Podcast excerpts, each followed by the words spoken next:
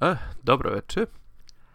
Evo nas u trećem javljanju da vidimo kakva je situacija poslije trećeg dana zatvaranja, to jest trećeg dana vanrednog stanja. E, pojačane su neke mere koliko sam shvatio, međutim ovaj, u svojoj mojoj najboljoj namjeri da izbjegnem komentarisanje ovaj, na dnevno političkom nivou danas je bila konferencija za štampu na kojoj je predsjednica vlade ovaj onako kako da kažem neselektivno ili onako uz odsustvo dobrog ukusa ovaj nastavila ono što pa kako da kažem ne bi trebalo da se radi.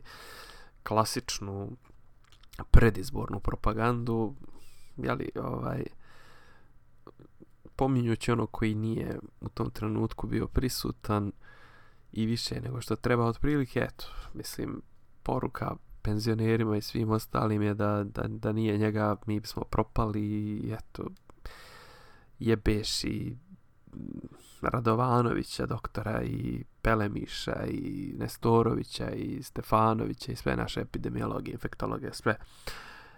Da nije Hadžije i čeličnog, mislim, kad čujem tu frazu čelično prijateljstvo, onako to me odmah jeli, asocira na neki čelični stisak. Nemoj ni sa kim da se čeličimo, molim te. Uh, uglavnom,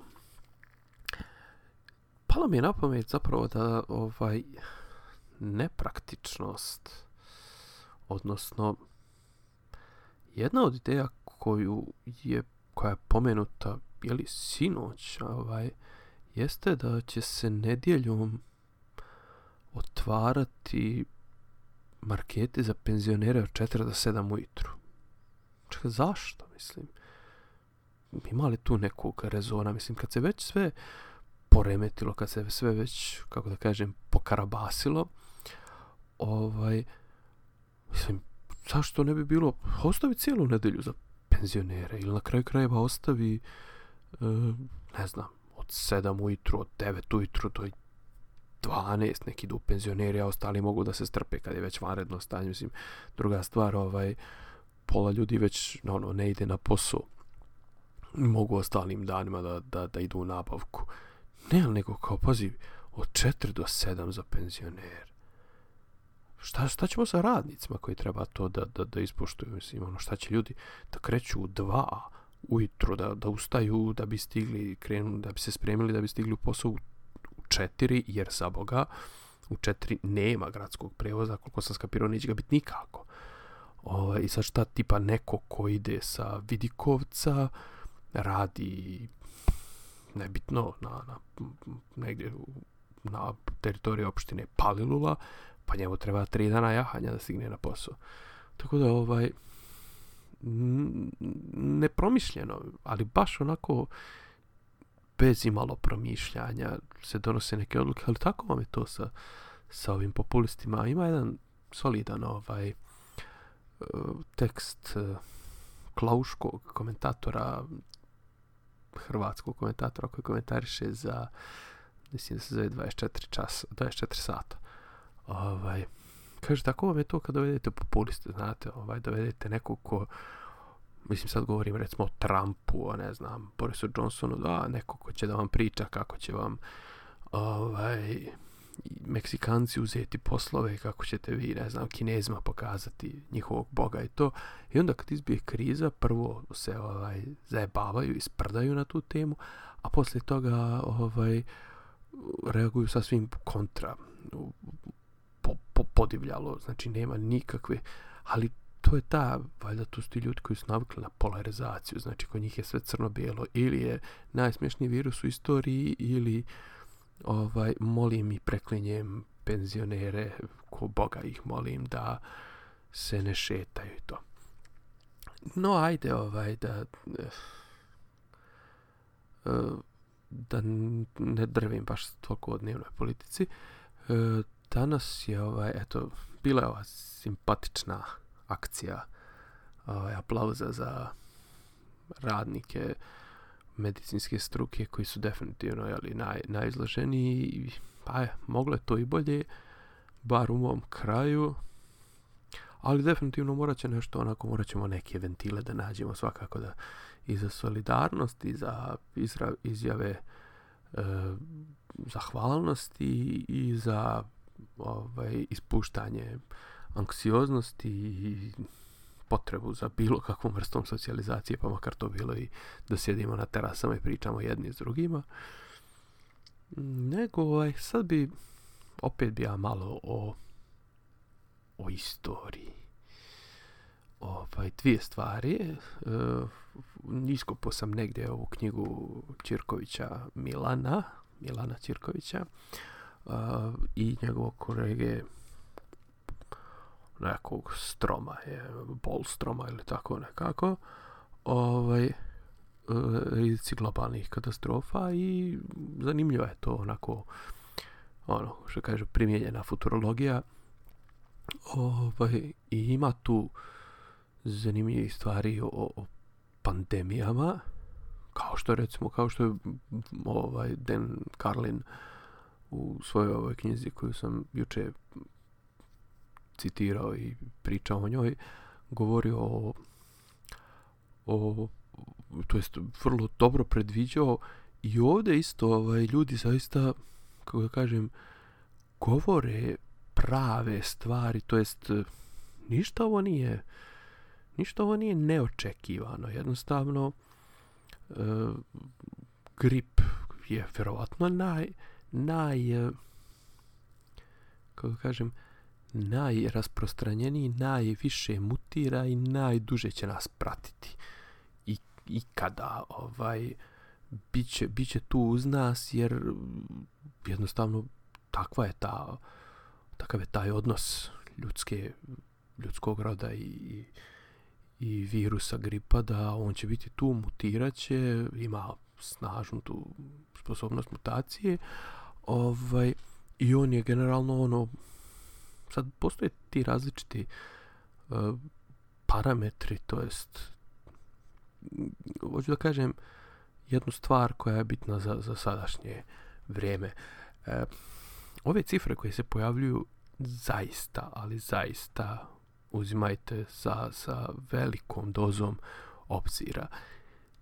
Pogotovo što se tiče tih nekih odnosa, smrtnosti, broja zaraženih, Mislim, evo sad ću vam reći ovaj konkretan primjer, ne znam koliko sam shvatio, ok, Kokeza, uh, kako se zove, Slaviša, e, predsjednik Futbolskog saveza Srbije je zaražen, a valjda je sa njim zaražen i Marko Pantelić. I sad tu su već dva od 80, koliko rekao smo, 93, recimo, u, u ovom u ovom trenutku, mislim da je to posljednja neka informacija, zaražena. Znači, koliko ljudi su oni bili u kontaktu dok, dok nisu saznali? Mislim, to su ipak ljudi koji su ono socijalno izuzetno aktivni. Mislim, ja da sam pokupio negdje u Milanu zarazu, ono, ja bi vjerovatno mogu da pokažem prstom na jedno 6 do 16 ljudi u posljednjih 15 dana s kojim sam bio i ole bližem kontaktu. Ovaj, kažem, e, znači te cifre uzimajte baš onako sa, sa dozom opreza, jer čitao sam baš u, u toj knjizi ovaj, ove prethodne najveće katastrofe, jeli, ovaj, epidemije, ne znam, kolera, malarija, ovo ono i te i lokalne i vremenski ograničene i kuga u srednjem vijeku i ove boginje i to, sve to, ako su ove neke asimptomatske, što ih oni zovu, ovaj, bolesti koje nemaju, jeli, ne vide se simptomi toliko izraženo to u nekom momentu. Znate, mislim, trenutno u Italiji, ko zna koliko ljudi leži kući, ne mrda, ne prijavljuje se, ne pojavljuje se. Tako da ovo, ne znam, na 100.000 ovaj, zaraženih ili ne znam, kako rekoše ono, Milan Strongman čuveni, ovaj, živi dokaz da, jeli od previše ovaj, proteina i rokanja malo zakržljaju neke druge funkcije. On je ovaj, uspio da izračuna da je 8000 ovaj, umrlih na 200.000 zaraženih 8%. Tako da, bravo, evo, evo jedan, čekaj, izvinjavam se, ovaj, evo, bravo, jedan aplauz za, za, za matematiku, pri, ovaj, ovu komplikovanu matematiku što ide na RTS 3. Um, znači, nemojte uzmati uopšte te, te stope smrtnosti, to, to ostavimo za studije koje će raditi ozbiljni ljudi tamo kada ovo sve prođe, ako prođe. A valjda će proći. Jednostavno, ovaj, kažem, ljudi su se izborili sa, sa kugom, sa, sa, sa, sa bolestima koje su imale mnogo veću smrtnost. Ovo, mislim, sad ja ispadam neki, rekao sam da nisam epidemiolog i nisam zaista, ja sam više onako ljubitelj istorije, nego ovo ću da vas ovaj, podsjetim dvije istorijske peričice koje su vezane ovako za, za ovaj, da ovo stanje. Biće, mislim, ok, bit će možda još malo neki pričica. Ovaj, recimo prva priča, znate li ko je Ibrahim Hoti? ovaj, e, ako vam kažem variola vera, verovatno ćete se sjetiti ko je to. To je, to je takozvani pacijent, nulti pacijent, pacijent zero. Ovaj, to je čovjek koji je otišao na hađ 72. U, s početka godine o, i vratio se u Đakovicu, Albanac, ovaj, iz Đakovice i donio neke darove, donio neke diple, neke sviraljke, nemam pojma, ljubio se sa svima, pričao svima kako je bilo na hađu, tad je imao 36 godina, jeli, ako se ja sjećam, i on je ovaj donio, valjda na proputovanju, iako se preporučivalo da se ide samo avionom, on je usput uh, iz jel, iz Medine, tamo iz Nečda, ovaj, kad se vraćao, uh, jest, je bio valjda u Bagdadu i u Siriji, gdje već nije autobusom se vraćao autobusom makedonske, neke skopske ovaj, autobuske, autoprevozničke kompanije. I onda kad se vratio, prvo je ovaj, zarazio neke svoje komšije, on je preživio. Znate što je, to, to je ovaj, ovako, on je preživio zato što je bio uh, vakcinisan, jer je morao da ima ovaj da ima dokaz da, da je vakcinisan od, od velikih boginja. I on je to odradio u, u Skoplju. Ima knjiga zove se bez obdukcije. Pa probajte da nabavite ovaj zanimljivo ja sam pročitao neke dijelove o, o tom slučaju. Uglavnom stradale su i dvije medicinske sestre ali taj ta borba i neki neko na RTL-u, RTL-u portalu hrvatskom ovaj je napisao uh, zašto zašto kolabiraju mnogo bogatiji zdravstveni sistemi, a naš ne kolabira, to jest hrvatski, je li? I to je zašto mnogo bolje se nosi sa, sa ovim nesrećama. I onda je on, taj autor je iznio ovaj stanovište da je to zapravo zato što je to ostatak socijalističkog, komunističkog zdravstvenog sistema koji i sad se ja vraćam na moj omiljeni ovaj rejon koji stavlja čovjeka u prvi plan. Svakog čovjeka. Ne samo bogate. Juče sam pričao o tome da li ovaj virus zapravo ovaj toliko naginje ravnopravnosti ili ne, ali znate, ovaj, jedna od stvari koja mi je zanimljiva u vezi sa ovom reakcijom ovih naših društava jeste ta što Englezi, a o njima ću malo kasnije posebno, o Englezi su valjda bili odlučili se da idu na ovu taktiku takozvanog imuniteta krda ili imuniteta stada, a to je da puste da se većina ovaj stanovništvo zarazi u pa da kažemo što kraćem roku, jel? Ovaj, ne bi li se naguralo preko 70%, pošto je to valjda po nekim tim epidemiološkim teorijama potrebno da bi se ostvarilo to, ovaj, taj imunitet krda gdje vi zapravo imate dva, dva ovaj, čovjeka koja su preležala u odnosu na jednu koju nije preležao i to je ti neki 70% ono, urbani urbane sredine i to je valjda dovoljno da se stekne da se neke bolesti jednostavno ne pojavljuju više. I taj sistem je ovako što kažu kolabirao i propao slavno u, u, u vrlo, ma, vrlo malo, vrlo kratkom roku. A zapravo čitava ova borba i sve ove zajebancije koje se sprovode uh, karantinom, uh, zabranom kretanja, pokušavanjem da se što više uspori širenje, jesu u svrhe toga da što veći broj ljudi preživi i to što po, jeli sudeći po ovom ovaj po onom što znamo o ovim e, ovom virusu, ovaj virus pogađa najstarije i da kako tako da onako kapitalistički se izrazim one koji najmanje privređuju. Tako da odgovor da se oni zaštite pa po cijenu toga da društvo, to jest privreda u velikoj mjeri stane, jeste jedan humanistički odgovor. I onako to mojoj napaćenoj, mojoj duši napaćenoj, što kažu modelsice, ovaj, ljevičarskoj paše.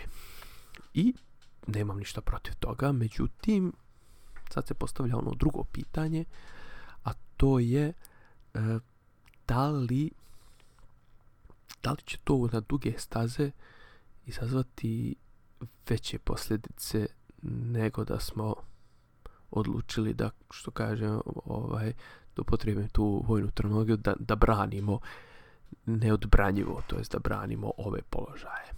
A vrijeme će pokazati, nego da se vratimo, ovaj, kažem, e, reakcija tadašnjeg zdravstvenog sistema Jugoslavije bila je masovno ovaj, cijepljenje, to jest vakcinacija, uh, oštri karantini, zabrana kretanja, za ukidanje među, međugradskog saobraćaja, sve, sve, sve, sve.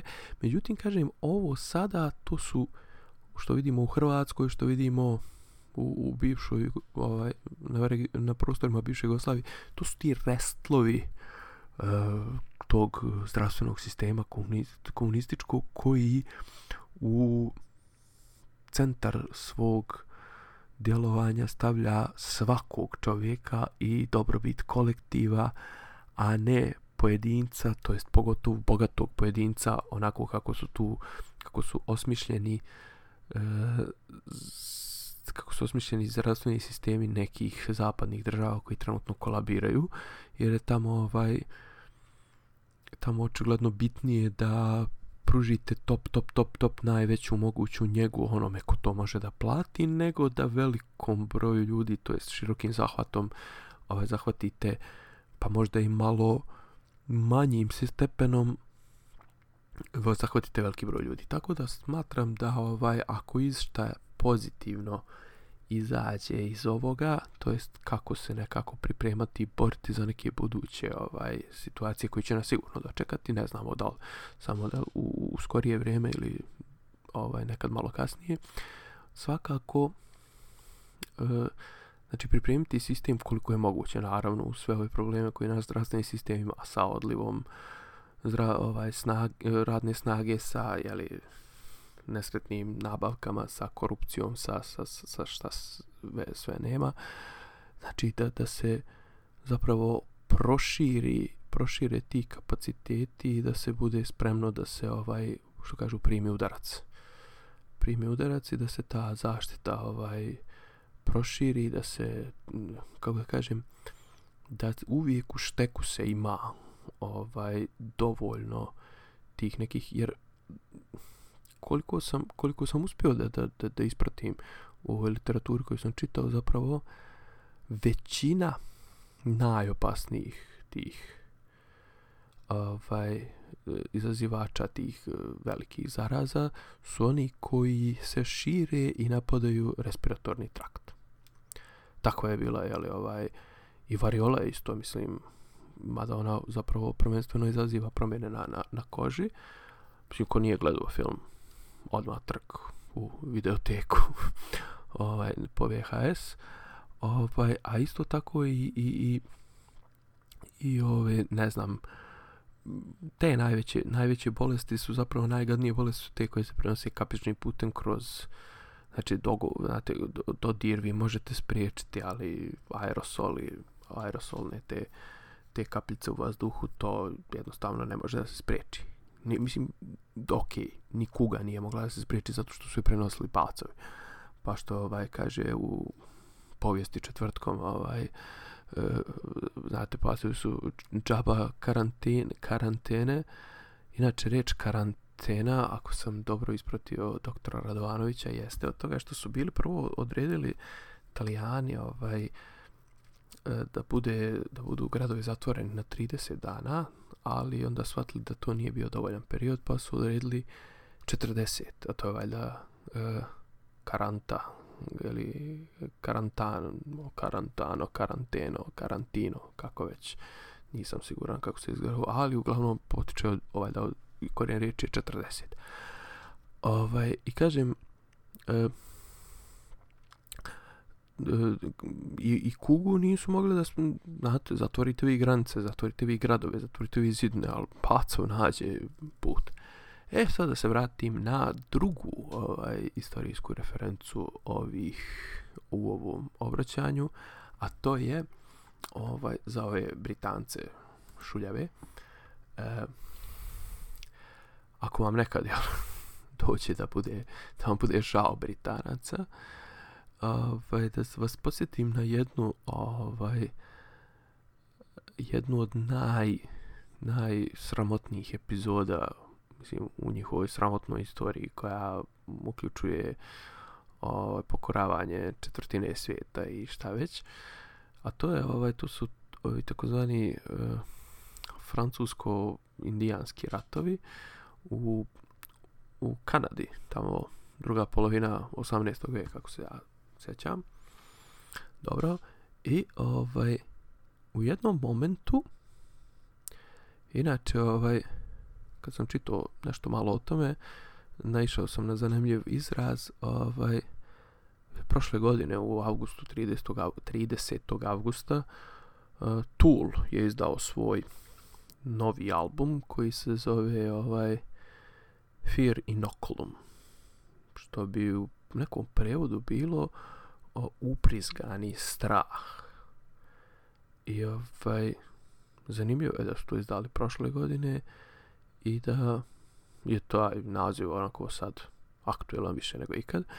Zašto pominjem to? Zato što ovaj, ima jedna prepiska između jednog uh, britanskog generala uh, Lorda Jeffreya Amhersta, ovaj, koji je tada bio komand, komandant ovaj, svih britanskih snaga na području Amerike, sa uh, pukovnikom en, uh, Henrijem Bukeom. On je bio, mislim, luksemburžanin ili švajcarac, ali bio plaćenik. Ovaj, I to je čuvena epizoda kad su Englezi odlučili da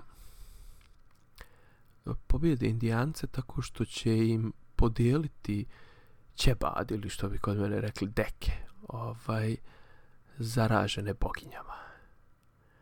I kaže ovaj uh, kaže originalni tekst kaže ovaj to inoculate the Indians da ovaj zaraze ili ubrizgaju indijance. Ovaj i to je jeli, ovaj, onda ovaj njemu odgovara kao da da pokušat ću to pokušat ću to čak ovaj kao i gledat ću da se ja ne zarazim. I on s njima podijelili tu ćebad zaraženu boginjama i onda su ovi ovaj e,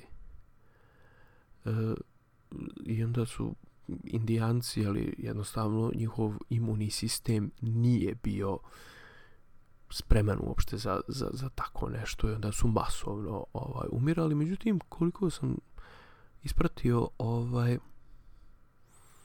to je um, onako, vratilo se to ovima, ovaj e, vratilo se to ovima jer su i neki indijanci uspjeli da prežive, ali su bili zaraženi time pa su onda ušli u njihove ove mm, tvrđave pa su njih zarazili.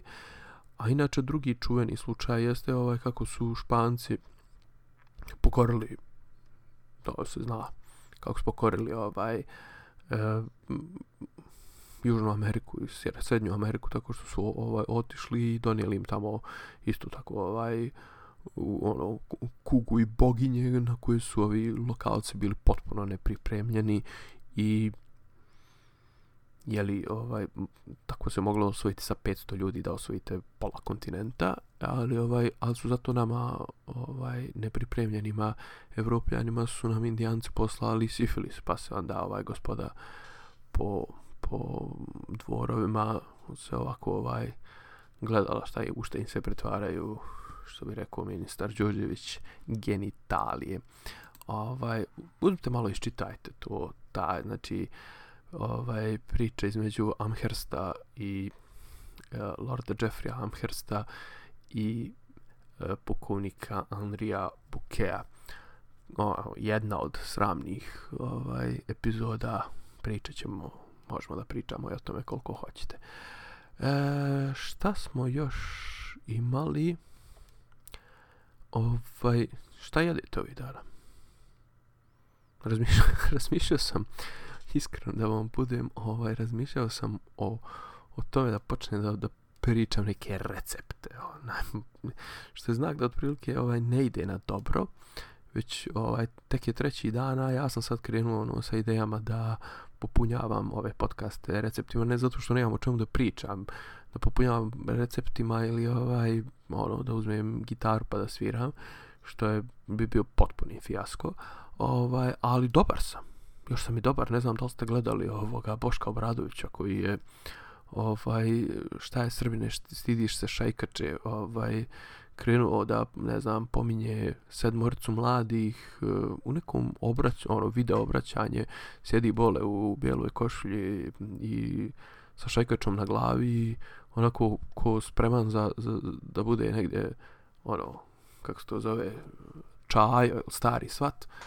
I ovaj, i priča o sedmorici mladih pa pominje Rastu i Bubu, Jalu, Bubu i ne znam, Muđu i Baku Praseta i ovaj djeluje da djeluje na, na Boška Obradovića onako koji je djelovo prilično čvrsto i mentalno i fizički djeluje da ovaj da ga ovaj karantin ozbiljno načinje, a tek smo zagazili u treći dan.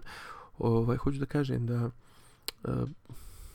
uh, hajde budite spremni da budite spremni da ovo traje negdje do maja sigurno. Ovaj, rekao sam već u, mislim, u prvom obraćanju da je cilj neki da se, da se ovaj, kako sam shvatio, ako sam shvatio doktora Kona, cilj je da se ovo razvuče na neke četiri, četiri mjeseca umjesto na osam sedmica. Mi smo već kao, jeli, gazimo već od pojave tog pacijenta nultog, a nismo sigurni koliko je zapravo taj lik koji je došao iz Mađarske nulti pacijent, koliko je ovih dripaca donijelo nam što god od tih milanskih kurava. Ovaj, da smo već kao gazimo u veliko drugu sedmicu. I hajde da kažem da eto, držimo se, držimo se dobro. Ovaj, oporavak duha će nam izgleda predstavljati veći problem nego ovaj ništa kačite neke dobre sadržaje. E da, ovaj Metropolitan je ovaj isto pustio neke svoje ovaj sadržaje online. Narodno pozorište isto pustilo ono tipa po ne znam koliko 20 sati, 48 sati će držati na svojim kanalima ovaj snimke svojih predstava, Narodno pozorište predstava na a ovog e, Met pušta svoje opere. Mislim da je trenutno na programu da možete da gledate uh, La Boheme koji za divno čudo ovaj, ja nisam se nešto baš nagledao u život opera, ali nije ni da nisam, jeli? Ovaj, ovi, brate, ne falširaju. Ovo je baš, baš i dobro izvođenje i dobri snimci, sve je kristalno jasno. Tako da, ovaj, eto recimo malo se posvetite tome. Šta biste još mogli da radite, mislim, ono, nađite neke stare igrice, igrajte. Ako vam je već do online sadržaja, a ako vam nije do online sadržaja, uvijek preporučujem, ja uvijek preporučujem analogno. Ja sam danas bio na trčanju. Ok, malo sam kršio tu samoizolaciju, ali bukvalno nit sam koga sreo, a i to je što sam sreo u, u, u parku, niko mi nije prišao bliže od dva metra i ja sam protrčao pored njih. I ono, kad sam ulazio u zgradu, ovaj, gurao sam nogom vrata, kad sam izlazio, vukao sam rukavom, ovaj, kvaku i to je otprilike to, mislim da će nam definitivno trebati, ovaj, tog nekog, dok se još valjda može, ali te neke fizičke aktivnosti izlazaka napolje, koliko se može, ne bili smo odr ovaj, održali tu neku mentalnu stabilnost. Sreća pa je ovaj, sreća pa nas ovo nije pogodilo u neku tešku zimu, kad ovaj, evo, mislim, ako ništa ide proljeće, od za 3-4 dana ovaj, ćemo prebaciti tačku kad će dan da bude duži od noći. Ovaj, mislim, generalno, uh, Beograd je jel, čuveni april u Beogradu, ovaj će da bude zanimljiv a možda se i priroda donekle oporavljeno kažu, pojavile se životinje u, u vodi u Veneciji, ovaj, neka ih. A mi se čujemo kasnije ja sad od ovaj da se socijalizujem, da vidim malo koga na World of Tanks ovaj, od moje ekipe, pa da raspalimo malo. Ćao, držite se.